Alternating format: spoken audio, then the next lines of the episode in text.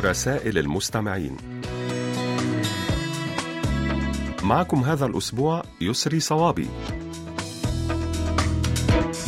أهلا بكم أحبائي وأصدقائي في كل مكان. السلام عليكم ورحمة الله وبركاته. هيا نبدأ حلقة جديدة من برنامجكم المحبب رسائل المستمعين. وفي البداية نشكركم أيها الأصدقاء الأعزاء على تعليقاتكم حول الموضوع الذي طرحناه الأسبوع الماضي وهو الالتزام بثقافة احترام الدور. وسوف نستعرض خلال هذه الحلقة بعض الردود التي جاءت إلينا على صفحتنا على فيسبوك. اكتبوا لنا أيها الأصدقاء على صفحة القسم العربي على فيسبوك. وأيضا إذا كان لديكم مقترحات بأفكار ترغبون في مناقشتها عبر البرنامج أرجو منكم إرسالها إلى بريد القسم العربي أو إلى ركن رسائل المستمعين.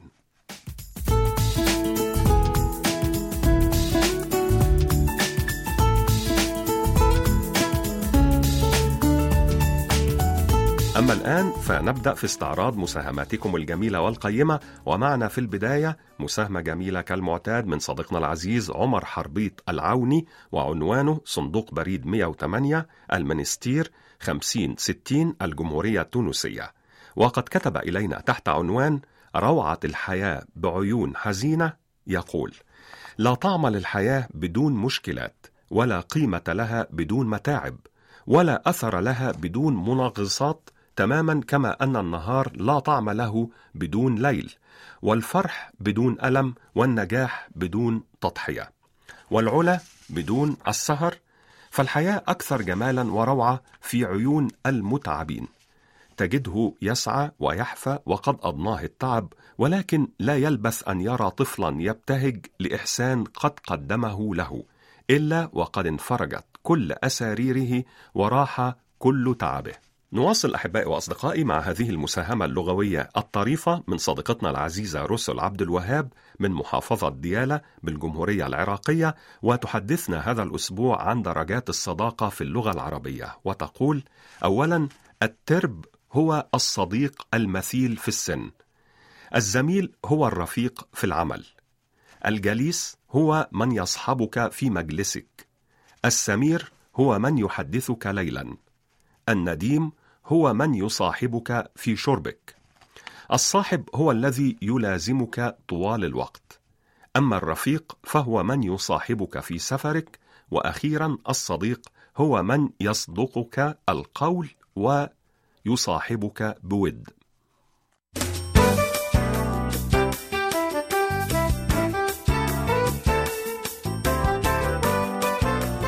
وتحت عنوان الوجوه الطيبة أرسل إلينا صديقنا العزيز محمد السيد عبد الرحيم وعنوانه شارع الشوشة مركز الحسينية الرقم البريدي 44654 محافظة الشرقية جمهورية مصر العربية.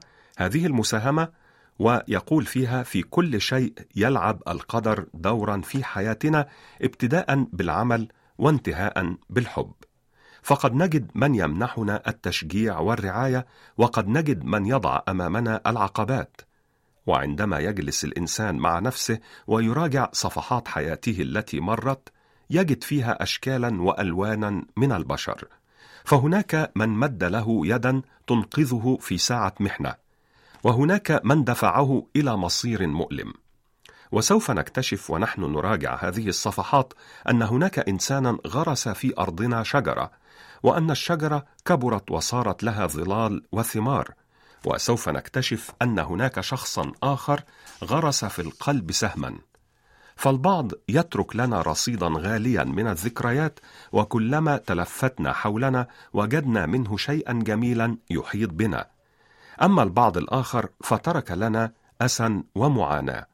لذلك من الأفضل دائما أن نترك داخلنا تلك الذكريات الجميلة التي ربطت بيننا وبين الناس.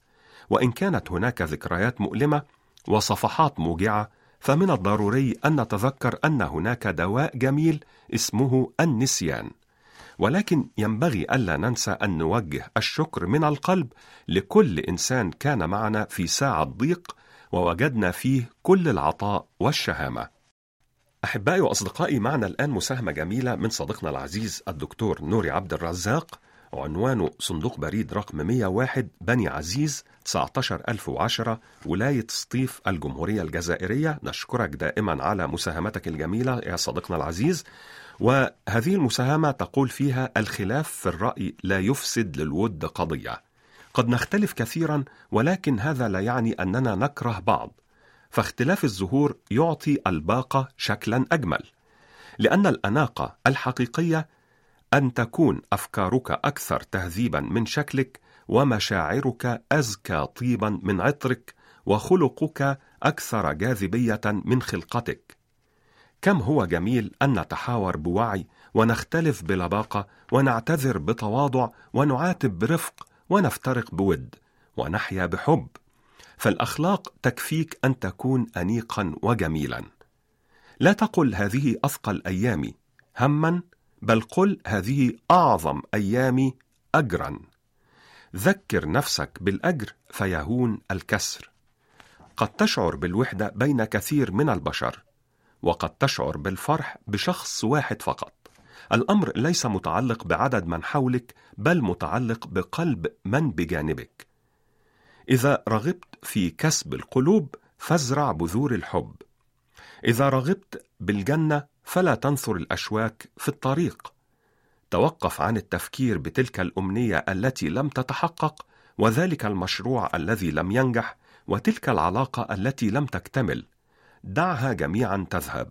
فلا تدري لعلها أبواب أغلقها الله ليفتح لك ابوابا خيرا منها. عش حياتك بأمل ورضا. واطمئن لأن ربك الله ومع الله تزدان كل تفاصيل الحياة. نواصل أحبائي وأصدقائي مع صديقنا العزيز إدريس بودينا المواطن المغربي المقيم في مدينة بيتسبرغ في الولايات المتحدة الأمريكية والذي أرسل إلينا هذه الأقوال. نشكرك شكرا جزيلا يا صديقنا العزيز. وتقول في مساهمتك هذا الأسبوع آه، من بين الأقوال فيكتور هوغو دوام الحب في مراعاة الأدب.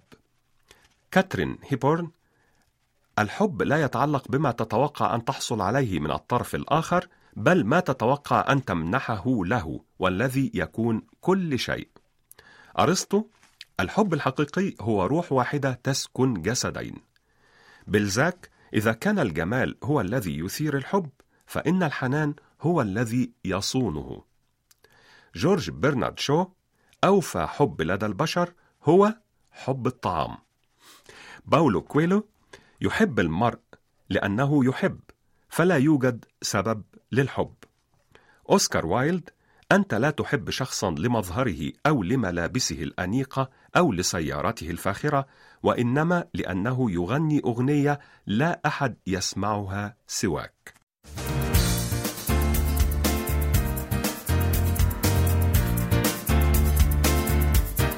شكرا جزيلا لك يا صديقنا العزيز إدريس بودينا ونهديك ولكل الأصدقاء الأعزاء هذه الأغنية الكورية اللطيفة بعنوان داينامايت لفرقة بي تي اس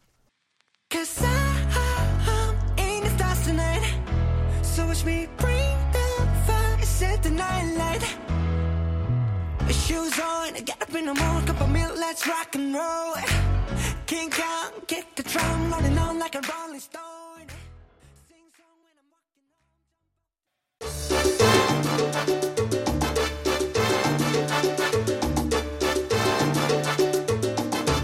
الآن إليكم أحبائي وأصدقائي بعض الردود السريعة عن رسائلكم. أحبائي وأصدقائي أدعوكم جميعا لإرسال تسجيلاتكم الصوتية التي تحتوي على مساهمات أو أشعار أو كلمات كتبتموها بأنفسكم أو حتى مقترحات أو أفكار أو أي رسالة تريدون توصيلها عبر البرنامج.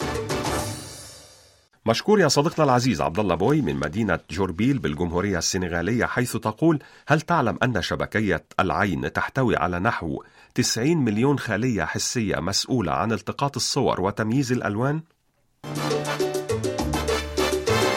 شكرا لصديقنا العزيز الكثيري إسماعيل حيث يقول عدم الإساءة إلى الأديان واحترامها يعكس مستوانا الفكري والأخلاقي ووصلتنا رسالة من الصديقة المستمعة أميرة طالبي من الجزائر تقول فيها إن عمرها 17 سنة وأنها طالبة في المرحلة الثانوية وتريد إهداء هذه العبارات إلى خالتها الراحلة فاطمة الزهراء رحمها الله وأسكنها فسيح جناته وتقول تتعاقب الأحداث وتحل الذكرى لكن بدون الجوهرة. لقد فقدت وافتقدنا بفقدانها أعيادنا. فالعيد أصبح بدون فرحة وأصبحت الحياة بدون طعم. فقد رحلت الغالية فاطمة ورحل معها كل شيء جميل. رحلت الفرحة ورحلت البسمة ورحل حتى جمال الربيع. ونقول لك يا صديقتنا العزيزة أميرة طالبي من الجزائر رحم الله خالتك وصبركم على فراقها واعلمي أنها الآن في مكان أفضل إن شاء الله.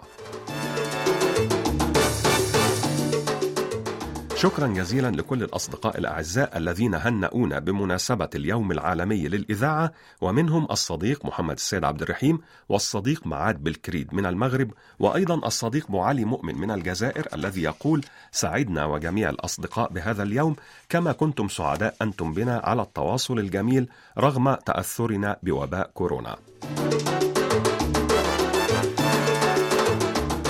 ومشكور يا صديقنا العزيز عمر حربيط العوني من الجمهورية التونسية على تهنئتك الرقيقة والعميقة بمناسبة عيد الحب والتي تقول فيها المطلوب من البشرية الآن أن الناس تحب بعضها البعض لأننا في زمن قست فيه القلوب وما أحوجنا للحب والمحبة. فالحب طاقة قاهرة وخلاقة وقادرة أوضح من الشمس وأجلى من النور وأسرع من الضوء والحب يصنع المعجزات. تلبية لطلبك يا صديقنا العزيز عمر حربيط العوني نهديك ولكل الأصدقاء مقطع من أغنية المطرب إيلي شويري بعنوان يا ناس حبوا الناس. نواصل أحبائي وأصدقائي مع المستمع المخلص جدا ورفيق الدرب المتواصل عبد الرزاق قاسمي صندوق بريد 32 بني ثور ولاية ورقلة 30009 الجمهورية الجزائرية ويحدثنا هذا الأسبوع عن اليوم العالمي للأسرة الموافق ليوم الخامس عشر من مايو أيار ويقول يعود الاحتفال باليوم العالمي للأسرة إلى القرار الذي اتخذته الجمعية العامة للأمم المتحدة في عام 1993 باعتبار الخامس عشر من مايو آيار يوما عالميا للأسرة. وقد حث القرار كل الدول والهيئات الرسمية وغير الرسمية للعمل على رفع مستوى الأسرة وأفرادها ورفع مستواها المعيشي بما يتلائم مع الأهداف التنموية. الأمر الذي يكفل بأن تكون الأسرة وحدة فاعلة في التنمية الكلية. فالأسرة هي الخلية الجماعية الطبيعية الأساسية للمجتمع ولها حق التمتع بحماية ومساعدة المجتمعات والدول على أوسع نطاق ممكن. ويعد الاحتفال باليوم العالمي للأسرة فرصة لمراجعة وتقييم حالة الأسرة واحتياجاتها وتعزيز الجهود الرامية إلى التصدي للمشاكل التي تؤثر على وحدة وكيان الأسرة.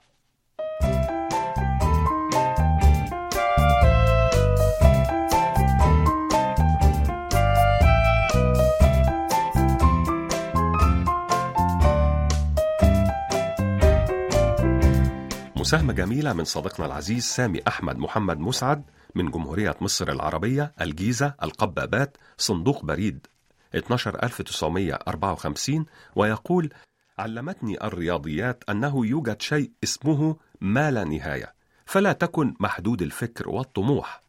علمتني الرياضيات أن العدد السالب كلما كبرت أرقامه صغرت قيمته تماما مثل المتعالين على الناس. كلما ازدادوا تعاليا صغروا في أعين غيرهم. أخيرا علمتني الرياضيات أن لكل متغير قيمة تؤدي إلى نتيجة. فاختر متغيراتك جيدا لكي تصل إلى النتيجة التي ترضيك. نواصل أحبائي وأصدقائي مع صديقنا العزيز عصام عبد الله من الجمهورية التونسية وأرسل إلينا هذه المساهمة حول الإعجاز العددي في سورة الكوثر ويقول سورة الكوثر هي أقصر سور القرآن الكريم وعدد كلمات هذه السورة عشر كلمات. الآية الأولى من الكوثر تضمنت من الحروف الهجائية عشرة أحرف. الآية الثانية من الكوثر تضمنت من الحروف الهجائية عشرة أحرف. الآية الثالثة من الكوثر تضمنت من الحروف الهجائية عشرة أحرف. أكثر الحروف تكرارا في السورة هو الألف وتكرر فيها عشر مرات. الحروف التي ورد كل منها مرة واحدة في السورة الكوثر عددها عشرة. جميع آيات السورة ختمت بحرف الراء وترتيب وترتيب حرف الراء الهجائي رقم عشرة. سور القرآن التي تنتهي بحرف الراء عددها عشر سور آخرها الكوثر. فما هي حقيقة الرقم عشرة داخل السورة؟ إنه اليوم العاشر من ذي الحجة. فقوله تعالى فصل لربك وانحر هو يوم النحر.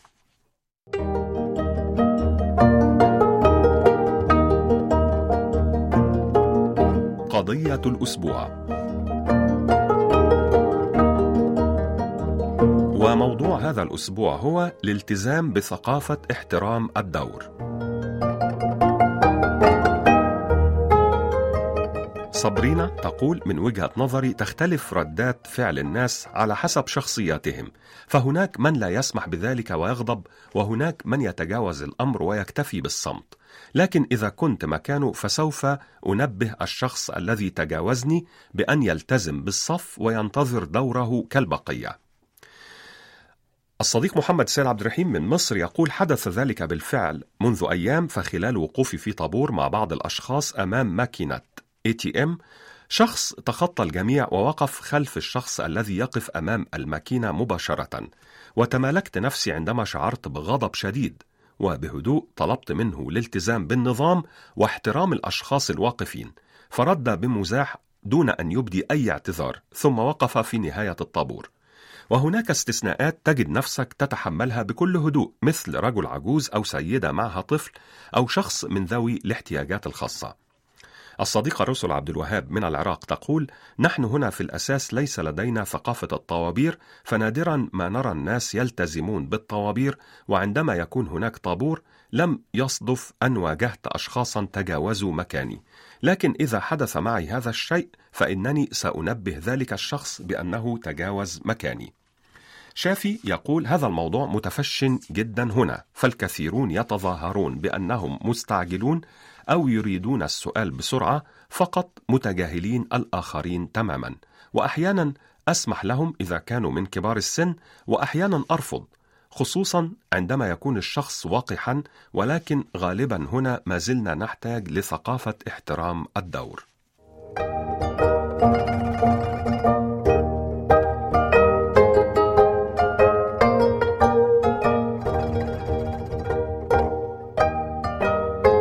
نشكركم أيها الأصدقاء الأعزاء على كل مشاركاتكم القيمة وننتظر منكم المزيد من المشاركات المفيدة والجميلة وسوف نواصل معكم بعد قليل. نواصل أحبائي وأصدقائي مع صديقنا الدائم بإذن الله محمد بودوخة وعنوانه صندوق بريد 98 العلمة 19600 ولاية سطيف الجمهورية الجزائرية ويقول الجهل زائد الفقر يساوي إجرام الجهل زائد الثراء يساوي فساد. الجهل زائد الحرية يساوي فوضى. الجهل زائد السلطة يساوي استبداد. الجهل زائد الدين يساوي إرهاب. الآن قم باستبدال مكان الجهل بالعلم. وانظر ماذا يفعل العلم بالجهل. العلم زائد الفقر يساوي قناعة.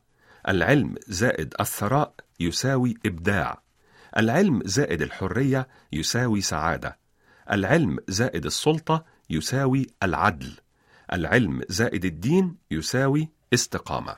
الآن أحبائي وأصدقائي نختتم حلقة هذا الأسبوع مع مساهمة جميلة من صديقنا العزيز عبد الإله إزو وعنوانه صندوق بريد 341 الخميسات 15000 المملكة المغربية.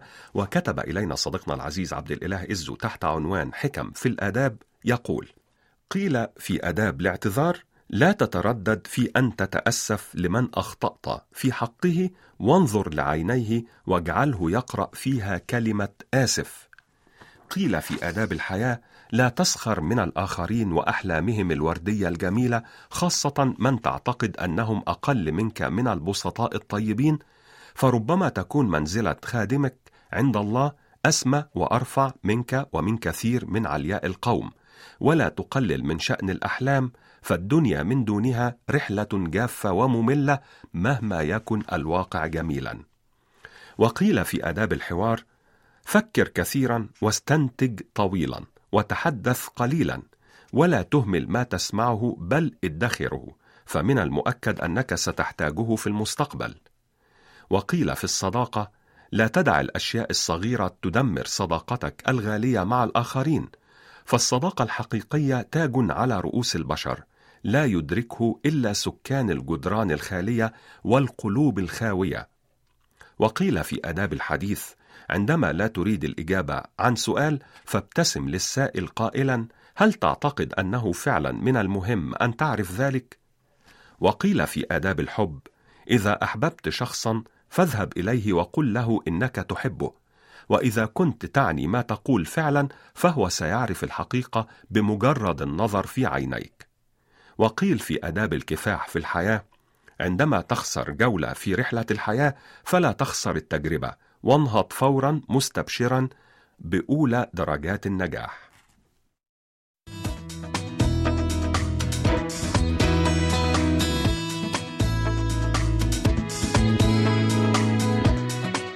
بهذه الكلمات الجميلة والمشجعة أحبائي وأصدقائي نكون قد وصلنا إلى ختام حلقة هذا الأسبوع من برنامجكم المحبب رسائل المستمعين.